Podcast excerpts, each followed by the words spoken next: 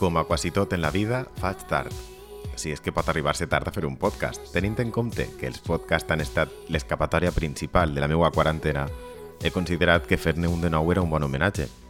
Un homenatge de merda, tampoc ens equivoquem.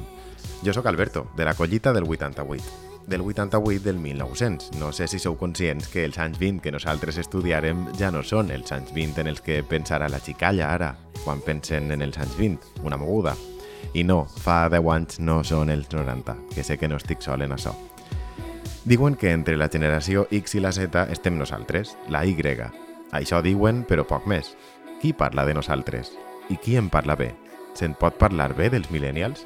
Haver nascut al 88 i ser considerat millennial m'ha costat més disgustos que res. Quasi vaig tardar més en assumir ser un millennial que en eixir de l'armari. Pot ser una cosa amb l'altra, no sé.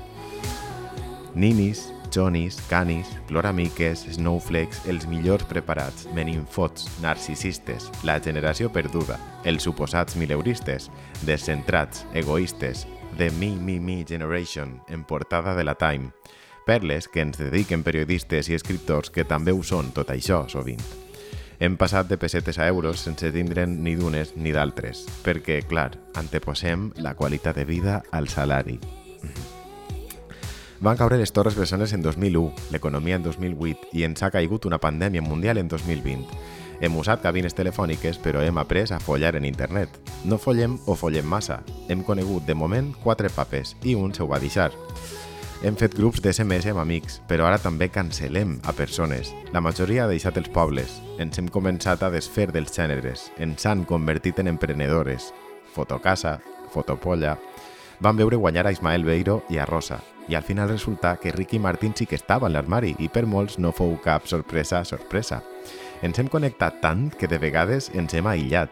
Hem après a viure amb ansietat i a rebre crítiques per no saber gestionar-la.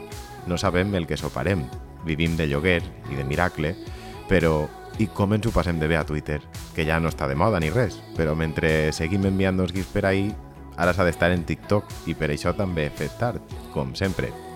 Haver nacido antes, ens han dit. I tot això.